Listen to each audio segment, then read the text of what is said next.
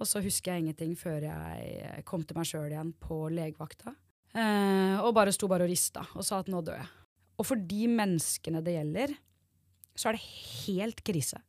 For meg så hadde det vært helt krise om jeg ikke hadde kommet inn i det behandlingstilbudet.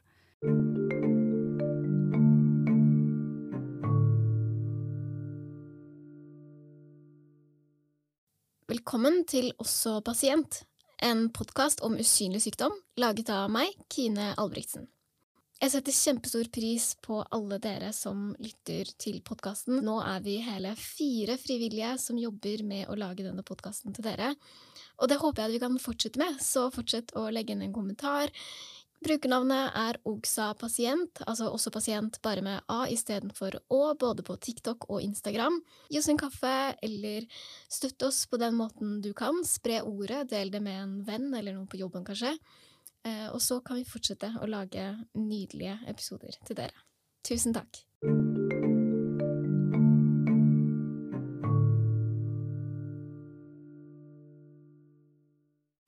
Vi klare for en ny episode av Også pasient, og ukas gjest er Linn. Velkommen. Takk, takk. Um, og vi skal jo snakke om eh, personlighetsforstyrrelse og emosjonelt ustabil personlighetsforstyrrelse i dag. Mm -hmm. Men først litt om deg. Eh, hva heter du, hvor gammel er du, hvor bor du, og hvordan ser livet ut? jeg heter Linn Rosenborg. Eh, bor i Asker, suburbia, eh, sammen med min eh, samboer, min hund og mine tre barn. Tre barn, til og med? Ja, ja. Jeg er 40 år. Nettopp blitt. Ikke sant. Gratulerer med dagen som var. Takk. Um, og uh, denne episoden er jo utløst litt sånn av nyhetene, på en måte. Det har blitt en litt sånn aktuell episode. Mm -hmm. Dessverre. Um, dessverre. Uh, så vi kan jo kanskje bare sette det først. Uh, at saken her er jo at det er um, Oslo universitetssykehus som vurderer å legge ned personlighetspoliklinikken. Stemmer. Som en del av mye annet som også vurderes legges ned. Som et sparetiltak. Uh, ja.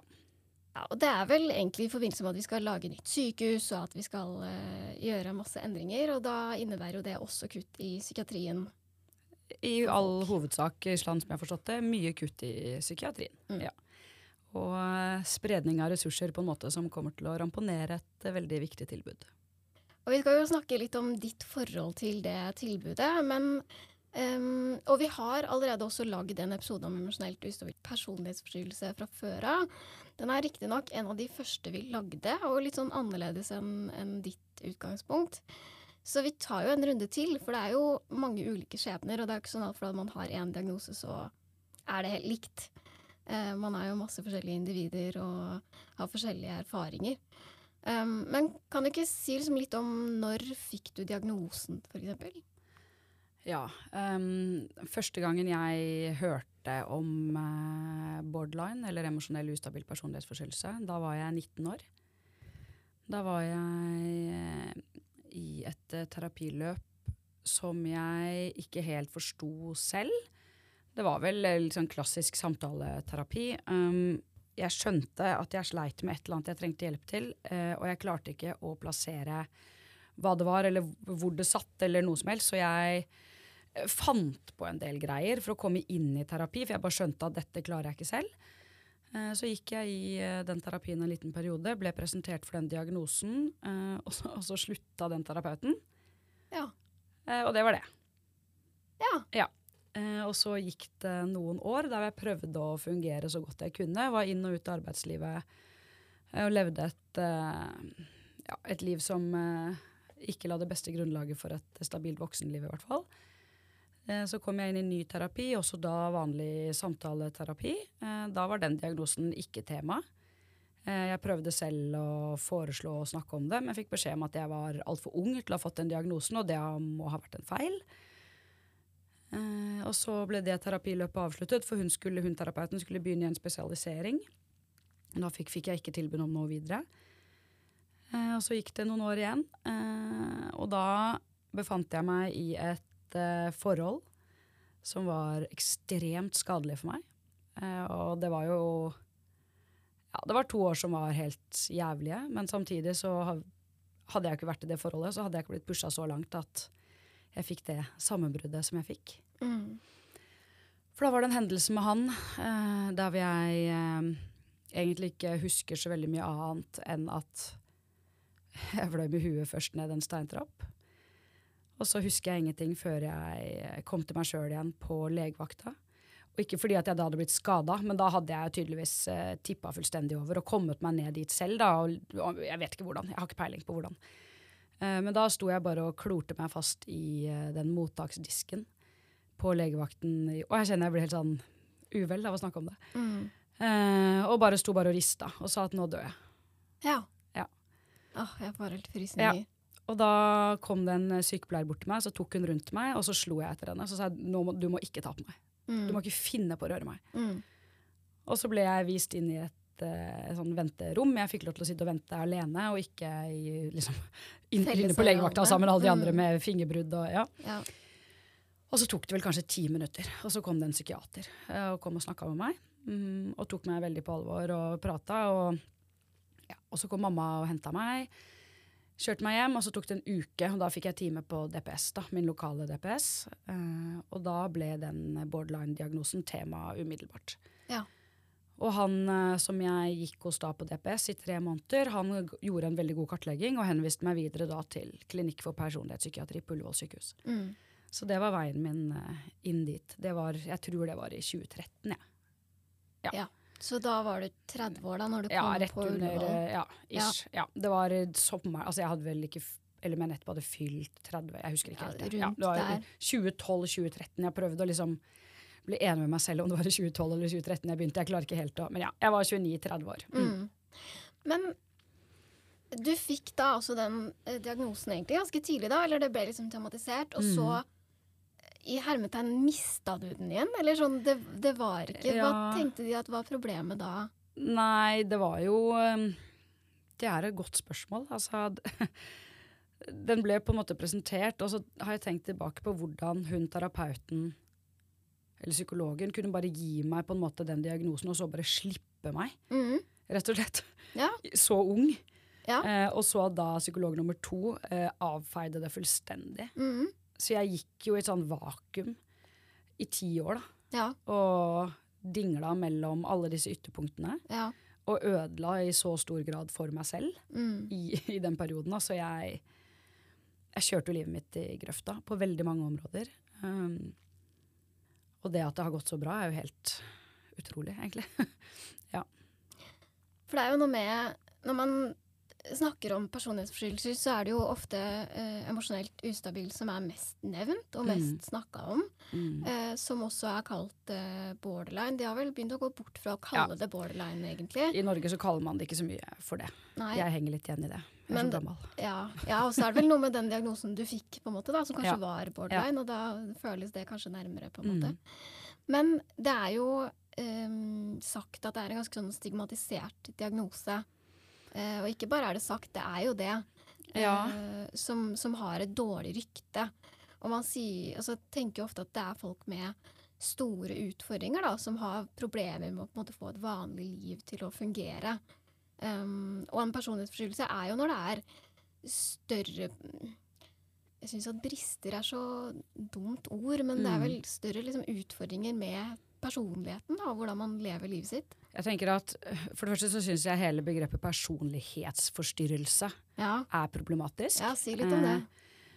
Eh, Mye fordi det første jeg tenkte når jeg hørte det, var bare altså, er jeg schizofren? Altså forstyrrelser i personligheten. Hva i alle dager betyr det? Mm, Eh, og det tror jeg det er veldig mange som også tenker når de hører det ordet. mm, Og så tenker man på personlighetsforstyrrelse som én diagnose. Man glemmer at det er veldig mange ulike personlighetsforstyrrelser som kan prege et menneske i veldig ulik grad. Eh, og ifølge de tallene jeg har sett, så er det jo oppimot 13% av befolkningen eh, vil jo kunne lide av en personlighetsforstyrrelse. Det er ganske mange mennesker. mm. Eh, og så er det vel 50% eller noe av de som søkes inn til DPS, som har personlighetsproblematikk. Da. Um, og da er det jo ganske mange mennesker som eh, sliter med det her. Og så er det veldig få som snakker om det. Mm. Og hvorfor det, mon tro? Ja, og hvorfor det? Ja, fordi tallet for eh, emosjonelt ustabil personlighetsforstyrrelse alene ligger på 6 da, eller 5,9% står det på Norsk helseinformatikk. Mm. Og det er jo ganske mange, egentlig, til I hvor antall, ja. lite man hører om det, tenker jeg da. Ja. Ja. Og jeg merker det jo selv, jeg er jo en person som ikke er veldig redd for å snakke om ting. Men det å snakke høyt om at jeg tidligere hadde en emosjonelt ustabil personlighetsforstyrrelse, det sitter svært Det er kjempevanskelig. Mm. Jeg sitter nå og liksom holder rundt meg selv og skjelver. Jeg syns det er skikkelig ubehagelig. Mm. Uh, og hvis man da tenker på at jeg har vært med å starte en Snapchat-kanal der hvor hele fokuset var å skape åpenhet rundt uh, bl.a. psykisk uhelse, Mm. og det tok meg to og et halvt år med den kanalen før jeg det hele tatt sa høyt at dette var en diagnose jeg har hatt. Er, og jeg hadde jo den diagnosen til og med da vi begynte den kanalen. Det sier noe om vanskeligheten rundt det. Um, og så er det jo utrolig trist at det er sånn. Uh, og det er ekstra trist når det er så lite hjelp å få, og så liten del av psykiatrien som har den spisskompetansen som skal til uh, for å hjelpe de med personlighetsproblematikk. Fordi det er jo en diagnose man kan bli frisk av. Altså, I hvert fall emosjonelt ustabil personlighetsforstyrrelse kan man jo faktisk bli frisk av med riktig hjelp. Jeg har jo ikke lenger diagnosen. Jeg sitter jo her og vil jo nå ikke fått diagnosen. Eh, og så finnes ikke det tilbudet andre steder på Ullevål, og nå skal de legge det ned. Mm. Mest sannsynlig. Mm. Ja. Hva, hva tror du gjør at det er så vanskelig å snakke om? Jeg tror det er et eh, eldgammelt stigma, og jeg tror det er masse misforståelser rundt diagnosen. Eh, og så er det jo Det er jo enkelte deler altså Det finnes jo også personlighetsforstyrrelser som er schizoid. Altså det er jo flere forskjellige som har et kanskje høres tyngre og mer alvorlig ut, og kanskje er det, det kjenner jeg ikke til personlig, enn emosjonelt ustabil. Eh, Men, og jeg kan jo egentlig bare snakke for meg selv, men for min del så er det hele ordet personlighetsforstyrrelse. Eh, og så handler det også om at det å være satt ut av spill av en personlighetsforstyrrelse, det er så vondt. Det er så jævlig vondt, eh, og det er så ustabilt. Det ligger jo i navnet òg, men det er, det er så ekstremt ustabilt. Det hoppes. Jeg husker i terapien så pleide jeg å beskrive hodet mitt som en sånn Mm, Husker du de gamle tegningene man hadde da man var små, med tall og prikker? Og så fulgte man tallene og prikkene, og så Ja. ble det et bilde. Mm. Sånn har jeg pleid å beskrive hodet mitt i Ja. terapi. At det er, det er så mange tall og prikker, men jeg kommer aldri i mål med bildet. Jeg vet aldri hva bildet blir. Mm. Eller som et sånn gammelt flipperspill, der hvor du står på siden og bare smeller på ja, av de Ja, knappene. prøver også, ja, prøver liksom, å fange ja. ballen eller treffe. Ja, bare Altså, jeg har vært så ekstrem at jeg har eh, på enkelte dager så kan jeg Eller enkelte timer, så kan jeg gå ut døra hjemme. Eller kunne jeg gå ut døra hjemme og føle meg så jævlig rå og fin og hot.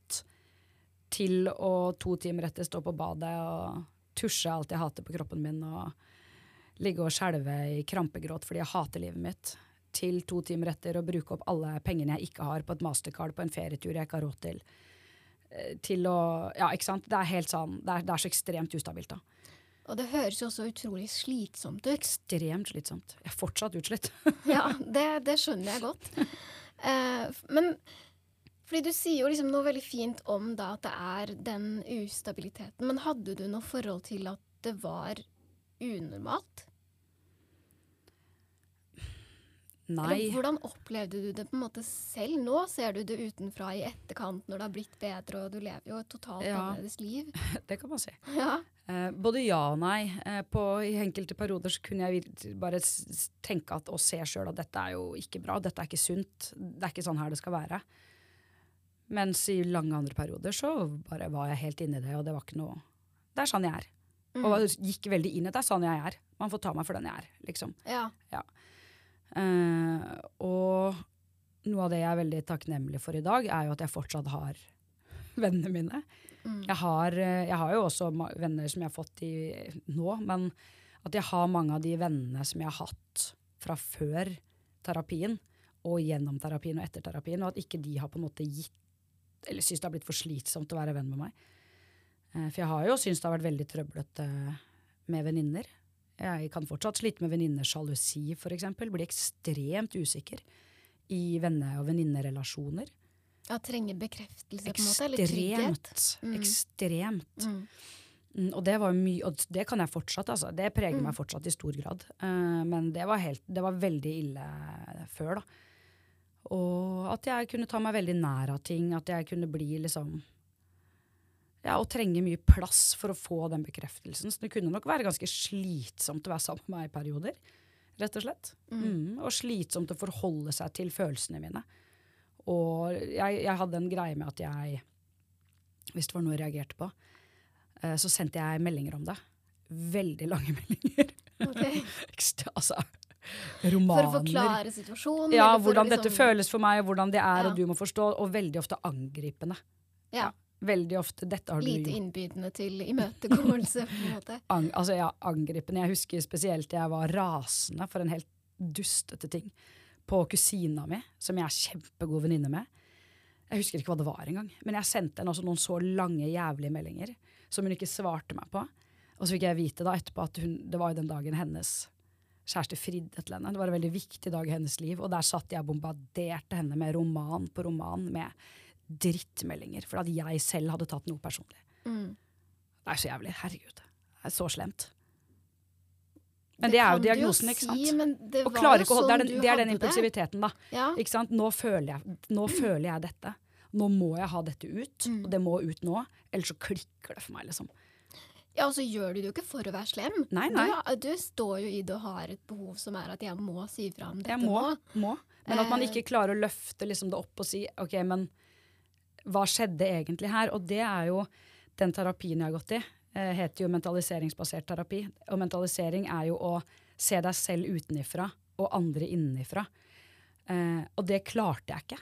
Å se at nå reagerer jeg på denne måten fordi dette er i meg. Men det hun Hun har egentlig ikke gjort noen ting. Hun har bare sagt det eller gjort det. Jeg, som sagt, jeg husker ikke hva situasjonen var engang. Nei, nei. Uh, så- det å Det er på en måte det som har redda relasjonene mine, tror jeg. da, er den, Å få, få hjelp til å lære meg å mentalisere. Den mentaliseringsevnen. Og klare å se mine egne reaksjoner. Og det gjør jo også at jeg mm, i stor grad kan se reaksjonene mine overfor barna mine. Jeg har jo tre ganske små barn. Eh, og jeg har fått tre barn på under to år. Jeg fikk tvillinger for to år siden. Eh, og det ville vært heftig for alle.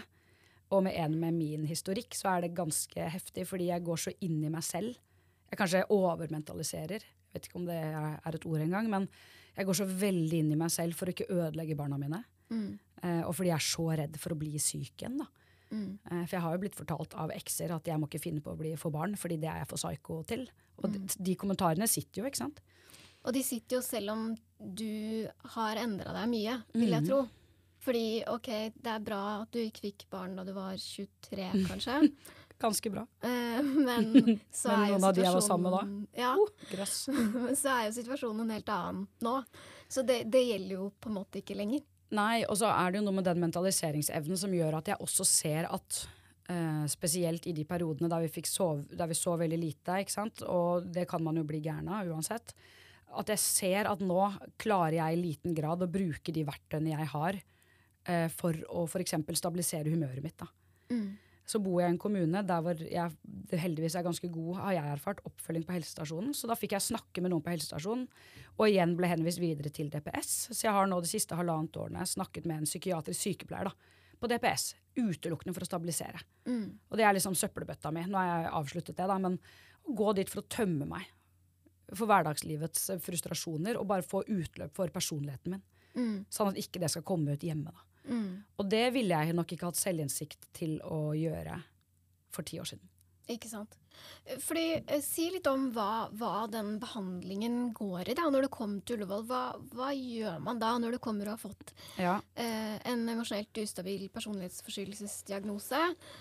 Og så tenker man at sånn kan jeg ikke, eller vil jeg ikke ha det. Eller det var i hvert fall et eller annet som altså Nå Ja. var det jo den utløsende hendelsen. Mm. Tenkte du etter det at nå vil jeg ikke ha det sånn lenger? Eller hva var liksom din inngang til det da, etter at det virkelig um, gikk eh, veldig alvorlig galt? da? Ja, nei, da skjønte jeg jo altså Jeg skjønte jo fortløpende at f.eks. For det forholdet jeg var i da, var eh, ekstremt destruktivt. Mm. Altså kan man jo snakke mye om hvordan han var, men eh, hovedpoenget var jo også at jeg ville ikke være sånn som jeg ble i, de forhold, i det forholdet. Ja. Den personen jeg var i det forholdet, ville jeg ikke være. Mm. Eh, og det var jo masse ved han og ved det forholdet som trigga helt feil ting hos meg. Mm, Ja, som da ikke økte trygghet, som ikke gjorde at du liksom Nei, du, altså, følte på uh, Det var jo- bra ting. Nei. Ja. Nei, det var ikke noe bra. Eh, og da jeg kom inn på Ullevål, så det første de gjorde, var jo å bekrefte diagnose, altså fastsette diagnosen. Mm. Eh, og så blir man jo tildelt en individualterapeut. Uh, og så starter man i en gruppe der hvor hovedfokuset er egentlig å lære om diagnosen, lære om behandlingen. Uh, og så, etter en periode, så blir man tildelt en, terapi, altså en gruppeterapigruppe. Da. Mm. Og det er gruppeterapien som er bærebjelken i løpet. Eh, Og dette er et, et tidsbegrenset løp. Det er tre år, og du må signere kontrakt på at du forplikter deg til behandlingen. Du skal gjøre det som skal til. Det er ikke bare å komme dit og ha samtaler. Dette, er, ko- dette er heavy kognitiv terapi. Mm. Mm, så Og tre år er jo ganske lenge, da. Ja. Det er få som har tilbud som varer er så lang tid. Det er lenge. Eh, og jeg kan jo innrømme at eh, jeg trivdes best i individualterapien. Jeg syns det var best for meg. Eh, Jeg syns det var kjempevanskelig å bruke gruppa sånn som man skulle bruke gruppa, fordi det var veldig triggende for meg, og det var Hvorfor Der-? Der satt vi en gjeng, da. Sju-åtte stykker. Med personlighetsproblematikk og skulle hjelpe hverandre og snakke sammen og dele opplevelser som vi skulle hjelpe hverandre å reflektere rundt. Eh, og da kunne man trekke fram konkrete hendelser fra siste uka for eksempel, og hvordan man reagerte. Så skulle andre gjerne komme med innspill.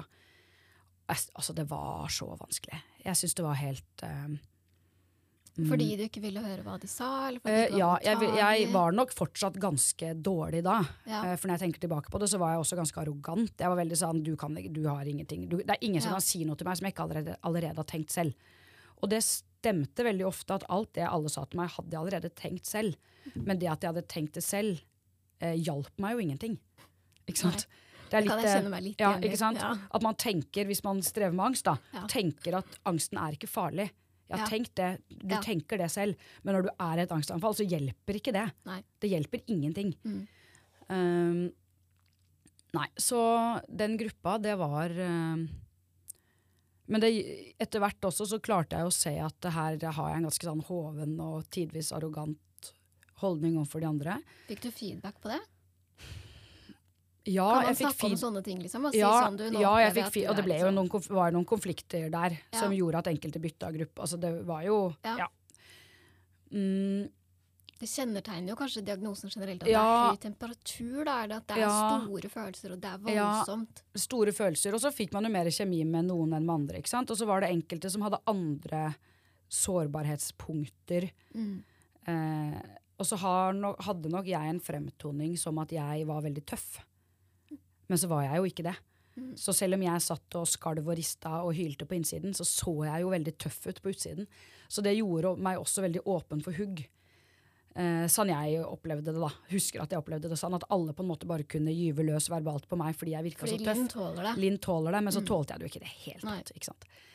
Eh, så det var helt drittøft, men det var jo mest sannsynlig var jo helt åpenbart det jeg trengte. Eh, og han som leda gruppa, var jo, eller de som leda gruppa, var jo også kjempeflinke.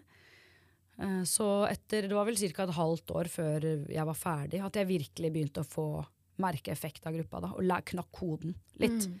Og åpna meg litt og liksom For jeg åpna meg fra starten med å dele, men jeg var ikke så åpen for tilbakemeldinger. Mm. Jeg kunne fint dele og være åpen og sitte og gråte, og, men så fort noen skulle si noe tilbake, så var da hadde jeg tømt meg. Da var jeg ferdig. Da kunne Mm. vi gå videre. Jeg var ikke åpen for tilbakemeldingene. Uh, om det var en form for stolthet eller frykt eller ja. Det var veldig annen forsvarsmekanisme som Ja. kom i gang. Men det er vel kanskje derfor det er tre år, da. At ok, du trengte faktisk to og et halvt år først på det. å komme inn i det og bli trygg og Og så tenker jeg Et av mine, mitt, mine liksom store problemer i relasjoner er at jeg tar ting veldig ofte som Eller jeg tok ting tidvis fortsatt som personlige angrep. mm. Og det er klart at når du har blottlagt deg i en gruppe med masse mennesker, og alle skal gi deg tilbakemelding på person, altså din person, Ja, ja. det er jo altså så Ja. Det er jo, kan jo være så, oppleves så angripende. Så da bare lukter jeg. Altså, jeg vil, jeg vil dele, men jeg vil ikke høre. Mm. Og da får du jo ikke det utbyttet av gruppa som du skal ha, da. Nei, og jeg er jo, eh, om ikke liksom de samme mekanismene, så er jeg jo veldig redd for å være sårbar med folk. Eh, jeg også kan dele mye, men det er ofte ting jeg har sagt hundre ganger før, eller kan fortelle som en sånn historie, og så føler ikke jeg at jeg egentlig har vært så åpen, da. Så jeg hadde mm, en behandler en gang som når vi skulle slutte, så var han sånn ja, vi krangla jo sammen det første halve året. Jeg bare å ja, gjorde vi det egentlig? Hun bare ja, du var uenig i alt jeg sa, du kverulerte på alt, du skulle ikke tro på noe. Jeg bare å nei. Det er kanskje sant, det. Så det er jo noe med relasjon, da, viktigheten av en trygghet og å finne ut av hvordan man kan forholde seg til hverandre, som ofte tar tid, da. Ja. For folk som syns det er vanskelig å enten eh, få tilbakemelding eller være sårbare eller Ja, det er, husker jeg han individualterapeuten min også. Han var veldig god på Han catcha fort at jeg snakker fort. Ja. Og at jeg raser av gårde. Og forteller og deler som om det er en historie. Ja, ja. Ikke sant? Så han veldig fort begynte å, å bremse meg. Han skal si sånn Ja, hva føler du nå? Ja, Hvordan er bare drit i det, jeg er midt i en historie her, liksom. Ja, ja. Så han var veldig sånn på at nå klarer ikke, klarte ikke han å henge med. Så da måtte han, sa han det, nå henger jeg ikke med, nå må du stoppe. Ja. Wow, wow, wow, brems nå. Mm. Nå raser vi av gårde. Og det var jo min måte, selvfølgelig, altså basic terapi, å ikke stoppe opp og kjenne etter. Ja. Ikke sant? Ja. Ja. Mange som strever med personlighetsproblematikk, eh, spesielt da emosjonelt eh, ustabil, er jo ja, ruser seg, selvskading. Eh, ja. Jeg selvskada jo i form av at jeg eh, var ekstremt eh, uforsiktig økonomisk. Eh, og at jeg gikk inn i skadelige forhold da, med menn. Og søkte bekreftelse på den måten. Og det er jo De to tingene har jo påvirket meg i veldig stor grad. Eh, nå er jeg sammen med en ekstremt trygg og god mann, som tilfeldigvis er regnskapsfører. Så da jeg møtte han, så var det det at jeg turte å fortelle han om den økonomien min, ja. det gjør jo at vi er sammen i dag. Ja, kom du, altså Det er jo et privat spørsmål, da. du må selvfølgelig ikke svare hvis du ikke vil. Men kom du inn i det forholdet med fortsatt økonomiske Ja. heftelser, på en måte? Ja, Mm, ja. ja. Jeg hadde ekstremt mye gjeld da jeg ble sammen med han. Uh, gjeld på den måten at eh, mobilabonnementet mitt sto på mamma. Ja. Og, For du hadde ikke fått nytt? nei, eller- nei, fordi nei. det var så mye. Jeg drev jo og nedbetalte. Ja, ja. Betalte ned 13 000 i måneden. Eh, Og hadde selv gått til Nav, økonomisk rådgiver hos Nav, og bedt om hjelp. Og tatt kontakt med kreditorer og bedt om lønnstrekk. Ja. Eh, ja, for da slipper jo du å holde i det. Da Ja, slipper du å betale regningen. Da går de rett Nemlig. fra, fra lønna di, rett og slett, Ja. før du får den utbetalt. Mm. Ja. Uh, men jeg er veldig glad for at jeg fortalte han om det veldig fort. For Mm. det er en ting som er veldig viktig for han. Så hvis jeg hadde venta lenge med å fortelle det, så hadde ikke han ville vært sammen med meg. Nei. Så det er ekstremt, og det var dritvanskelig. Det er noe av det vanskeligste jeg har gjort ever. Er å fortelle han om det. For Ja. det var så skambelagt. Altså så sykt pinlig. Og det er jo ikke egentlig grunnen til at det er pinlig, for dette var heftelser fra en periode da jeg var veldig syk. Ja. Men når du er voksen, du har voksenjobb, ikke sant? og det å da måtte fortelle en fyr du har blitt sammen med, etter at vi har hatt samtalen 'hva vil vi med dette', jeg er for gammel til å surre rundt, altså enten det er alt eller ingenting, det er barn og hei og hå, liksom. Ja. Og så bare 'du, PS', eh, jeg kan ikke være med å kjøpe noe leilighet, jeg kan ikke, mobilabonnementet mitt står på mamma. Ja, jeg har eh, erfaring med det motsatte, med noen som venta veldig lenge med å si det. Um, og det er vel et eller annet med den ærligheten og åpenheten da, som jeg Mhm. tenker at er viktig. Som gjør liksom mye med at ok, du sa det tidlig, og det står det jo respekt av, tenker jeg. da. Samtidig når man kommer i en alder hvor man kanskje skal kjøpe noe sammen, da, eller man skal få barn, ikke sant? da er det jo litt vesentlig å vite at ok, hvordan står det til her? Selvfølgelig. Og så ble jeg jo Jeg var jo redd, da, fordi han driver jo sitt eget firma og er regnskapsfører, og liksom Ja, det er ganske sånn i den bransjen Du kan ikke ha økonomiske heftelser, da. Så jeg ble plutselig veldig usikker på om vi flytter sammen og har samme adresse. Kan dette gå utover han?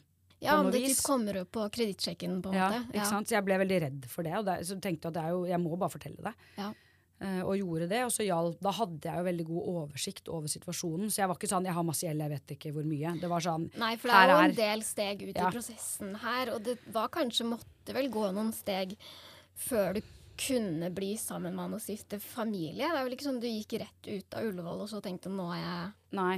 Ja, og Klar, dette tok hvordan- jeg jo ikke opp på Ullevål heller, da. Nei! Dette var jo Å, pågående. de visste det ikke. Nei.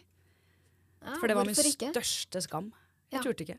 Jeg Nei. tok det opp eh, kanskje de to siste timene. Men ikke tidlig nok til at de kunne hjelpe meg med det. Nei. Men jeg hadde verdens fineste økonomiske rådgiver hos Nav. Mm. Shout-out til Ørjan. Ja. Altså, Han var helt fantastisk. Jeg kom til han, jeg kødder ikke, med en søppelsekk med uåpna post. Ja. Søppelsekk, altså. Full. Og vi åpna sammen. Mm. Og han, vi, altså han, fy fader, og han sto på. Eh, og han sto på, men så, så fort jeg fikk oversikt, så sto jeg på. Og ringte rundt. Og valgte meg ut hva jeg skulle betale nå, de andre fikk bare vente.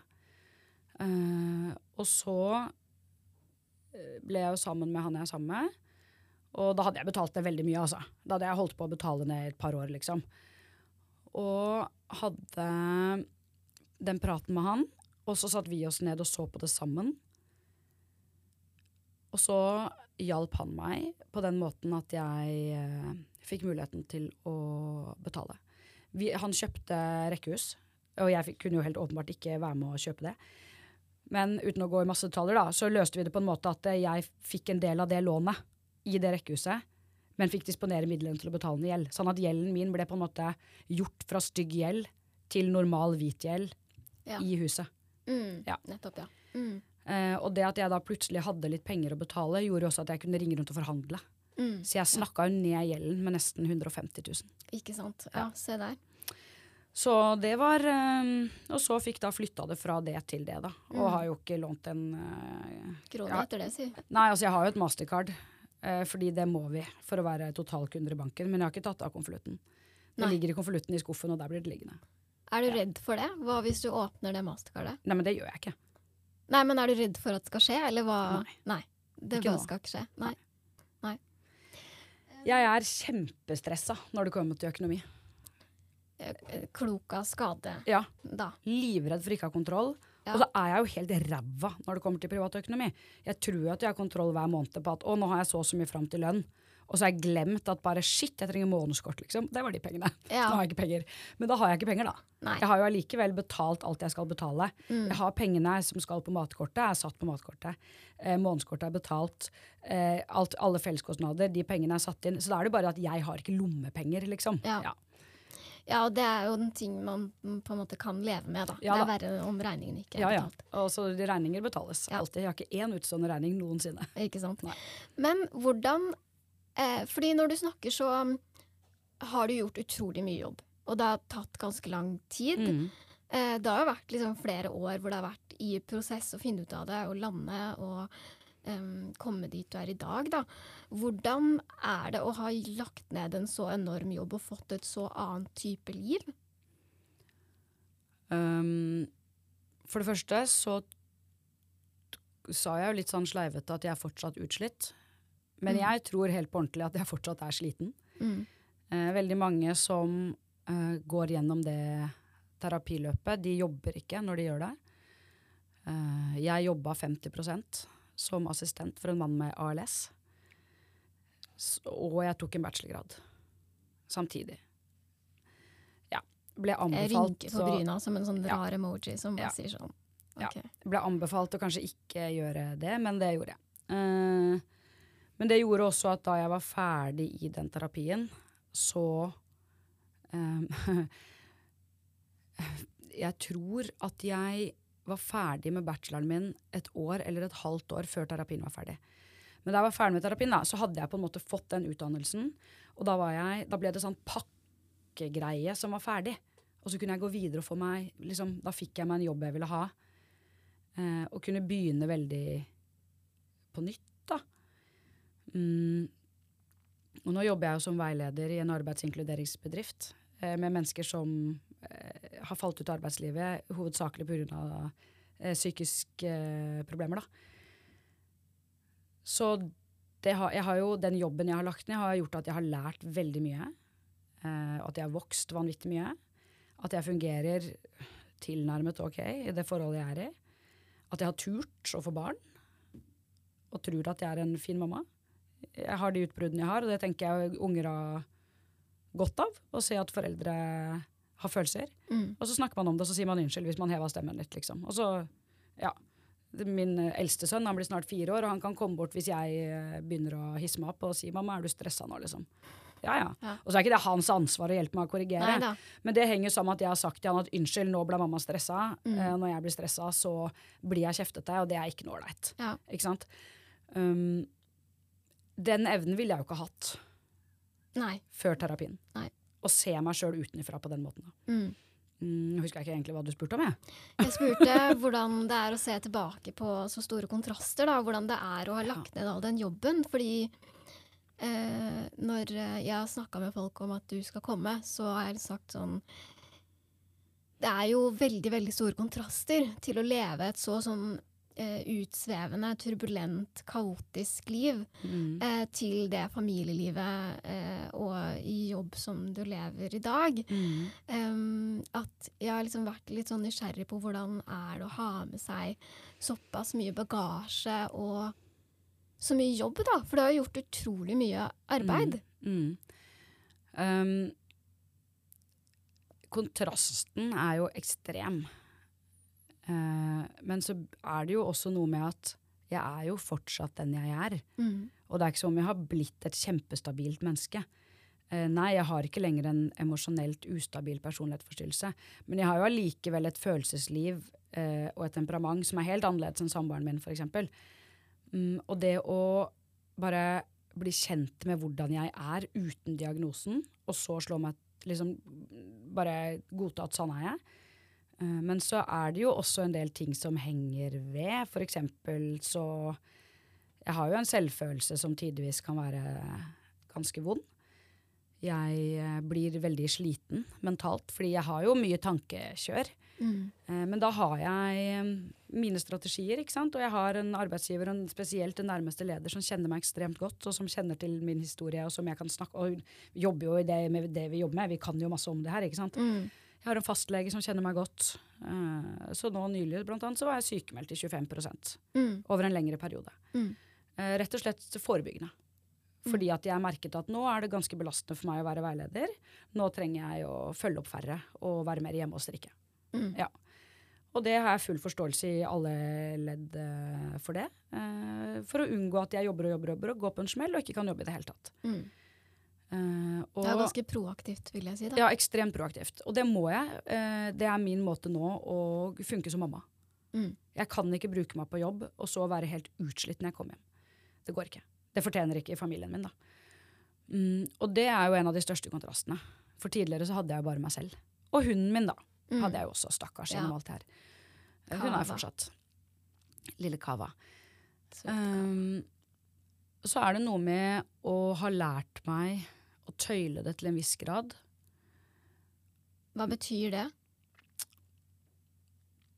Eh, I perioder når jeg er veldig sliten altså Det tenker jeg mange kan kjenne seg igjen i. At perioder når man er sliten fordi man har lite søvn, er dårlig form, jernmangel, whatever, så er det også vanskeligere å ta i bruk de verktøyene man har for å håndtere egen syke. Absolutt. Og da er det jo lettere for på en måte demonene å trenge fram. Og mine demoner er jo f.eks. at jeg blir svært opptatt av kroppen min. Mm. Ja. Jeg har jo aldri hatt spise, altså noen spiseforstyrrelser, ikke noe sånt noe. Det er ikke det det handler om, det er viktig for meg å presisere. Eh, Men jeg kan bruke veldig mye tankekraft og energi på å tenke stygt om kroppen min. Eh, Og nå, spesielt etter at jeg fikk tvillinger, så er jeg jo en, et mellomrom mellom magemusklene. Kroppen min har forandra seg veldig. Lite av klærne mine som passer. eh, Og føler meg forferdelig stygg. Eh, Som et eksempel på sommerfest i barnehagen i går, så var jeg helt utslitt etterpå, for da gikk jeg i en kjole som var veldig fin så lenge jeg holdt inn magen. Ja. Og da blir jeg så bevisst det at jeg går konstant og holder inn magen, og i stedet for å klare å kose meg 100% med alle vennene mine som var der, og alle barna som var der, eh, så har jeg hele tiden en liksom Å, husk, å nå slapp du av. Må ikke slappe av. Nå buler magen. Mm. Hold inn. Oi, oi, oi. Stram, stram. Mm. Så jeg har jo vondt i ryggen. Altså det, og det høres jo helt banalt og dust ut. Men det er Det, det kan jeg ligge og tenke på på natta. Ja. På den stygge magen min, liksom. Mm. Og det er jo noe som når jeg er sliten, som jeg ikke klarer å holde på avstand. Mm. Som tar fryktelig mye energi. Ja, fordi i gode perioder så tenker du bare sånn ja ja, fuck den magen. Jeg bare Ja, whatever, jeg liksom. Ja. På en måte. Altså, jeg har fått tre barn på under to år. Er det, det er ikke Ja. så rart at de magemusklene har revna i alle retninger. på en måte. Nei, og det er en fysisk ting i tillegg. Da. Ja, ikke sant? Jeg kan ikke gjøre noe med det. Jeg Nei. trener og trener og trener. Jeg kan ikke gjøre noe med det. Nei. Uh, men at det la meg at, altså, at jeg la meg. At det påvirker meg i så stor grad psykisk. Mm. Og det blir sånn angst for angsten, da. Ja. For da blir jeg også destruktiv i tankemønsteret fordi jeg tillater de tankene å ta overhånd. Du blir stressa for eskaleringen, da. Ja, så blir jeg lei meg. Ja. Jeg blir skikk Jeg sto og gråt senest på morgenen i dag til samboeren min. For jeg er så lei meg for at jeg tenker så stygt om meg selv. Ja. Og med kroppen min. Mm. At jeg er så u, det er så urettferdig overfor meg selv. At jeg går og gruer meg til vi skal på stranda på søndag. Går allerede nå og tenker 'å nei, hvilken badedrakt holder i magen mest'? Mm. Hvem faen bryr seg om det på stranda med tre små unger? Og så blir det en sånn spiral, da. At jeg går og tenker masse på det. Og går og kjenner og klemmer og holder på. Mm. Til å tenke 'fy fader, så dust gjort av meg'. Dette er så slitsomt, og det er så dumt. Og jeg som har hatt en spiseforstyrrelse i mange år, kjenner meg jo igjen i det tankemønsteret. At det er Mm. liksom små ting som tar unormalt mye plass. da. Mm. Fordi andre folk eh, tenker jo ikke over det. Og så vet jeg det, men noen ganger så gjør det alt egentlig bare enda verre. Fordi da er det jo jeg som står er her og overtenker. Ja, da er det meg det er ja. noe galt med. Um, og så er alt egentlig litt feil uansett, fordi hvis ikke du tenker på det, så holder du ikke inn magen, og Mm. herregud. Men samtidig, hvis du tenker på det, så er jo det dumt også, fordi Mm. du være til stede for de barna dine, eller bare kose deg på stranda, eller bade, Ja. på en måte. Ja, ja. Um, Og så er jeg jo livredd for at de skal plukke opp det her. Ja. Jeg snakker jo ikke om det foran dem. Nei. I det hele tatt. Mm. Men jeg kan jo ubevisst ta meg selv i å gå og holde meg på magen, klemme meg på magen, se stygt på meg selv i speilet. Ja. Ikke sant? Og nå er barna mine to og fire. Ja. Når plukker de opp det her, liksom? ja, det er ikke så lenge til. Nei. Og det er, det er min største frykt, å påføre barna mine disse tingene. Ja. Åh, de er jo arvelig, arvelig belasta fra før, tenker jeg. da. Satans psyken min. At ikke de skal få kroppsissues nå også, liksom. Ja, men det henger vel kanskje litt sammen, da, kroppsissuesene og psyken. Ja da, gjør det. Um, det høres ut som at de barna er på en måte både bra og dårlige. da, At de holder deg mye i sjakk, og du må ta mye hensyn på grunn av dem. Eller ikke du må, men du vil også Mm. gjøre det best mulig for dem. da. Mm. Men at de også er en sånn kilde til eh, bekymring. Ja. Kilde til bekymring er ordet. For Ja. det også er jo noe som kanaliseres. Altså, jeg har jo så mye katastrofetanker. Ja. Der jeg har tidligere gjort, tenkt det om meg selv, så er det jo, nå tenker jeg jo det om barna. ikke sant? Ja, Ja. ja, for nå kan noe galt skje med barna også. Ja, helt åpenbart. Ja. Og det er jo helt idiotisk å få tre barn. Altså Statistikken er ikke på vår side. Uff meg. Ja. Og og bare det å måtte forholde meg til at barn kan få kreft, f.eks. Ja. Altså, jeg blir kvalm av å snakke Jeg klarer ikke. Nei. Og det er sånne ting som jeg ikke nødvendigvis klarer å holde på avstand. da. Ja. Det kan spise meg opp helt. Så det du sier, er, det er jo egentlig en del av de samme mekanismene mm. som er i gang her.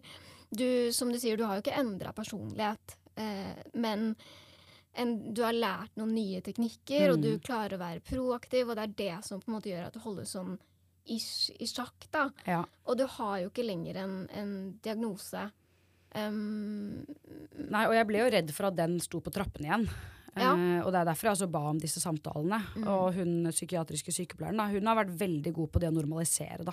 At Mm. dette er småbarnslivet for deg. Dette er dine frykter som kommer til overflaten. Og dette er at du er sliten. Du er ikke syk igjen. Og for å si det sånn, alle med, som har fått tre barn under to år, som Ja. hører på, kjenner seg nok igjen og tenker sånn OK, jeg er Ja. også ganske sliten. Og de sier vel også at Jeg i hvert fall hørte noen nylig sa sånn de første tre åra av barns liv, altså når de er småbarn, det er unntakstilstand. Det Ja er ingenting som er normalt. på en Nei måte. da. Det er umulig å finne en Det er, Rutine. eh, det er unntakstilstand, og det er eh, Ja, det går utover det meste, og så er det jo også kjempegøy. Altså, Mm. Så heldig jeg er. For seks år siden var jeg singel. Ja, Og dypt, dypt ned i gjeld. Ja. Og bare tenkte at dette her Sånn her er livet mitt. Dette her blir livet mitt, liksom. Og nå er jeg samboer og rekkehus og Volvo og tre barn og ikke sant. Ja. Det er så klisjé at hjelp. Det er helt ja. nydelig. Liten Ja, hage har vi jo. det er jo nettopp det, ikke sant? Det er jo det som er helt utrolig, da. Sånn, Mm. Ikke utrolig, men likevel utrolig. imponerende, da. Ja, sant?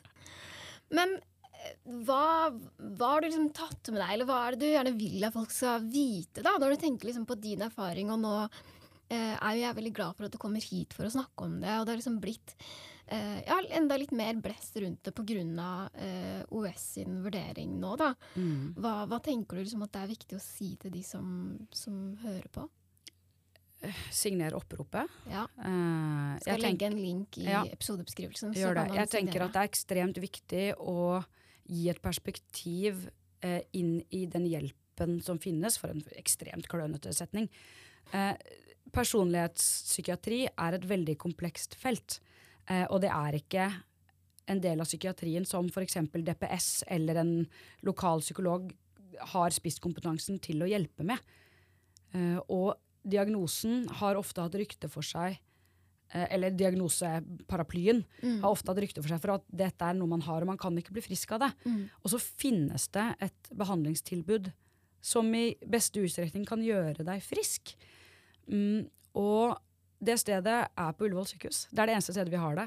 Og én ting er behandlingstilbudet, men det forskningsmiljøet som er der, og i NAP, altså Nasjonal kompetansesenter for personlighetspsykiatri, det er et, et internasjonalt viktig forskningsmiljø. Og ved å legge ned den avdelingen, så vil kompetansen fullstendig ramponeres. Det vil spres ut på en måte som gjør at den helhetlige tilnærmingen blir fullstendig ødelagt. Mm, og mange med en personlighetsforstyrrelse faller ut av samfunns, altså samfunnet i form av arbeidsliv. Ja. Og den type ting havner innenfor rus. ikke sant? Så, så jeg klarer ikke helt å se mm, det samfunnsøkonomiske i det. For dette vil jo bare bli nye kostnadspunkter. Mm. Eller kostnadsposter. Så skal vi jo ikke snakke om mennesker som kostnadsposter, men det er jo det det blir. Ikke sant? Personlighetspoliklinikken ses som en kostnadspost som må kuttes. Mm. Ok, Hva med alle de menneskene? De 13 av landets befolkning som faller ut av arbeidslivet potensielt, som kommer til å streve med rus, selvmordsproblematikk, selvskading. Altså, hvor skal, hvor skal de kostnadene dekkes? Det er jo så lite gjennomtenkt. Jeg klarer ikke å Jeg klarer for mitt bare liv ikke å se eh, fornuften bak det. Mm. Og for de menneskene det gjelder, så er det helt krise. For meg så hadde det vært helt krise om jeg ikke hadde kommet inn i det behandlingstilbudet. Helt fullstendig krise. Ingen sjanse i havet at jeg hadde hatt det livet jeg har nå, hvis ikke jeg hadde vært i den behandlingen ved Ullevål. Ingen sjanse i havet. Jeg tør ikke å tenke på hvordan livet mitt hadde vært. Nå begynner jeg å grine. Og det er jo derfor det er så viktig, da. Og jeg blir jo veldig rørt. Og jeg, det er liksom Ja, det er veldig, veldig viktig, da. At man får den hjelpa. Man får rett hjelp av folk som vet hva de driver med. Og så kan man jo sitte og liksom nå fjase da, om at ja, og jeg har rekkehus og Volvo og tre barn og bla, bla. Det er, ikke det, det er liksom ikke det som trenger å være målet for alle. Det handler jo ikke om det. Det handler om I stor grad for meg så handler det om at jeg fungerer i det forholdet jeg er i. Mm. Ikke sant? At jeg, har, jeg klarer å fungere i forhold med en mann som er så bra for meg. Mm. Og jeg klarer å fungere i vennskapene mine, og jeg klarer å fungere i en jobb. Mm. I en jobb som er dritviktig, og som jeg elsker Mm. og som jeg er dødsgod i. Ja. Altså, det, det er det det handler om. Da. Det handler om å fungere i samfunnet på lik linje som de aller fleste andre. Jeg tenker at det har en helt egen verdi som ikke handler om penger, og som ikke kan måles i Mm. penger. Som gjør at det er veldig synd da, at sånne ting ses på som en utgift, fordi det handler om menneskeliv. Det handler om menneskeliv. Uh, og så tenker jeg, jeg er helt enig med deg i det, samtidig så tenker jeg at når fokuset er penger Ja, ja. Altså for vi snakker om penger, da. Det koster mye mer at folk ikke er i jobb Ja, for samfunnet absolutt. enn å kutte det tilbudet i det lange løp. Ok, så får de kanskje ikke det tilbudet da, men så, de jo, så er de kanskje inn og ut av eh, akuttposter, da. Eller Ja, ja. de ikke står i jobb, eller de må få uføretrygd i inn til eh, 40 år, liksom, hvor de Først kunne jobba. fastlegen, svingedør hos fastlegen, Mm. svingedør i forskjellige syke, syke, altså kortvarige behandlingsløp. Mm, Som sagt rusproblematikk, mm. som er ekstremt alvorlig for individet, ikke minst.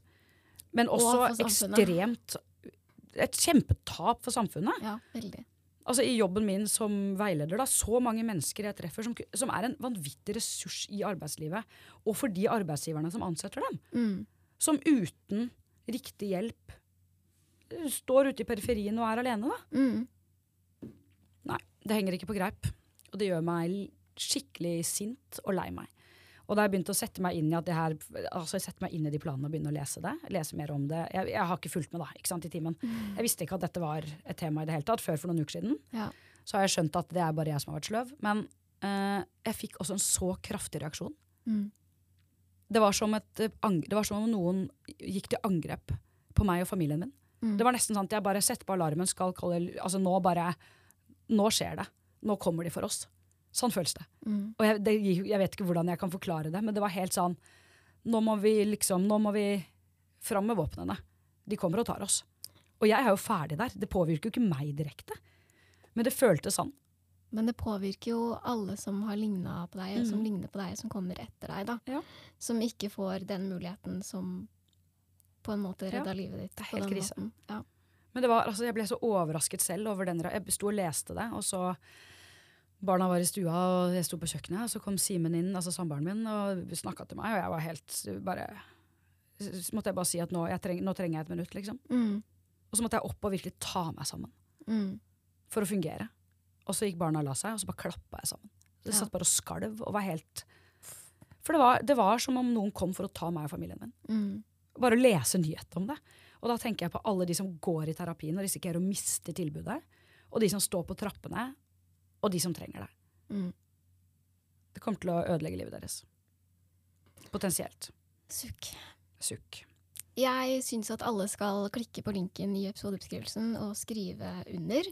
Eh, Jeg har eh, prøvd å skrive under hele tre ganger. Hver gang jeg trykker på 'send inn signatur', så var det sånn 'Du skrev under på dette oppropet for 210 dager siden'. Sånn, Å ja, ok. Stemmer.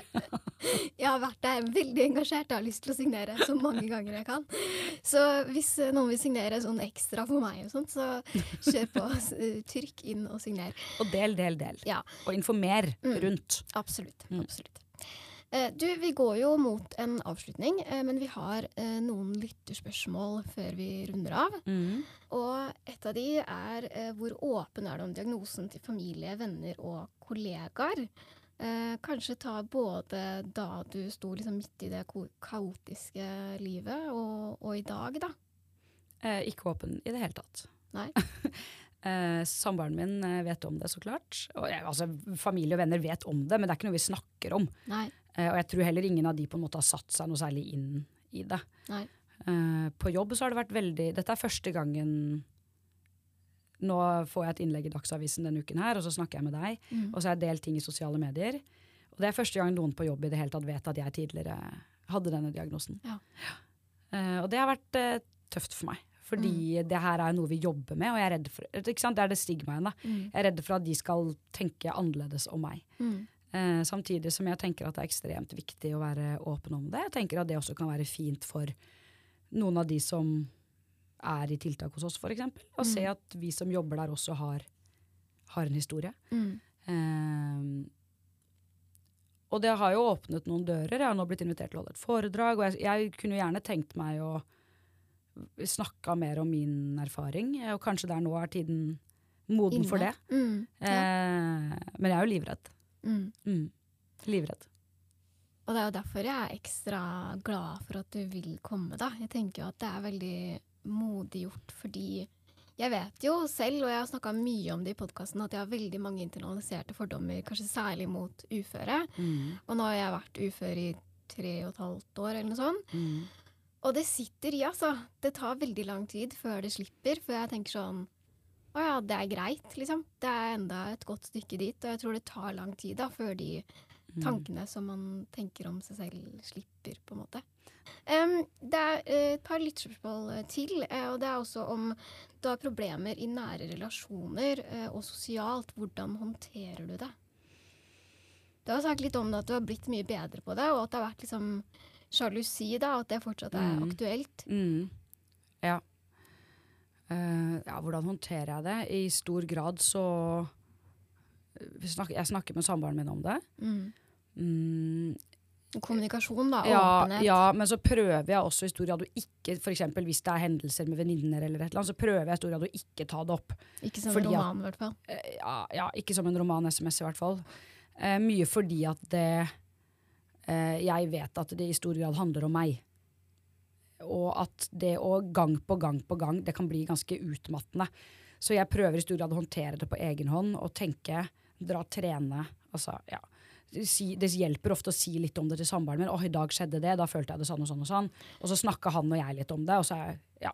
Og når du da sier at det handler om deg, handler det da om at det er du som har en følelse av at et eller annet er galt, eller at du har oppført deg på en Nei, at jeg har en følelse av at noe er galt. Ikke sant? Ja, Så problemet er egentlig ikke helt til stede, eller det er i hvert fall større hos deg, da. Ja, Det får i så fall venninnene mine svare på. Jo, jo, Men jeg ja. tror ikke jeg er noe sånn eh, Nei.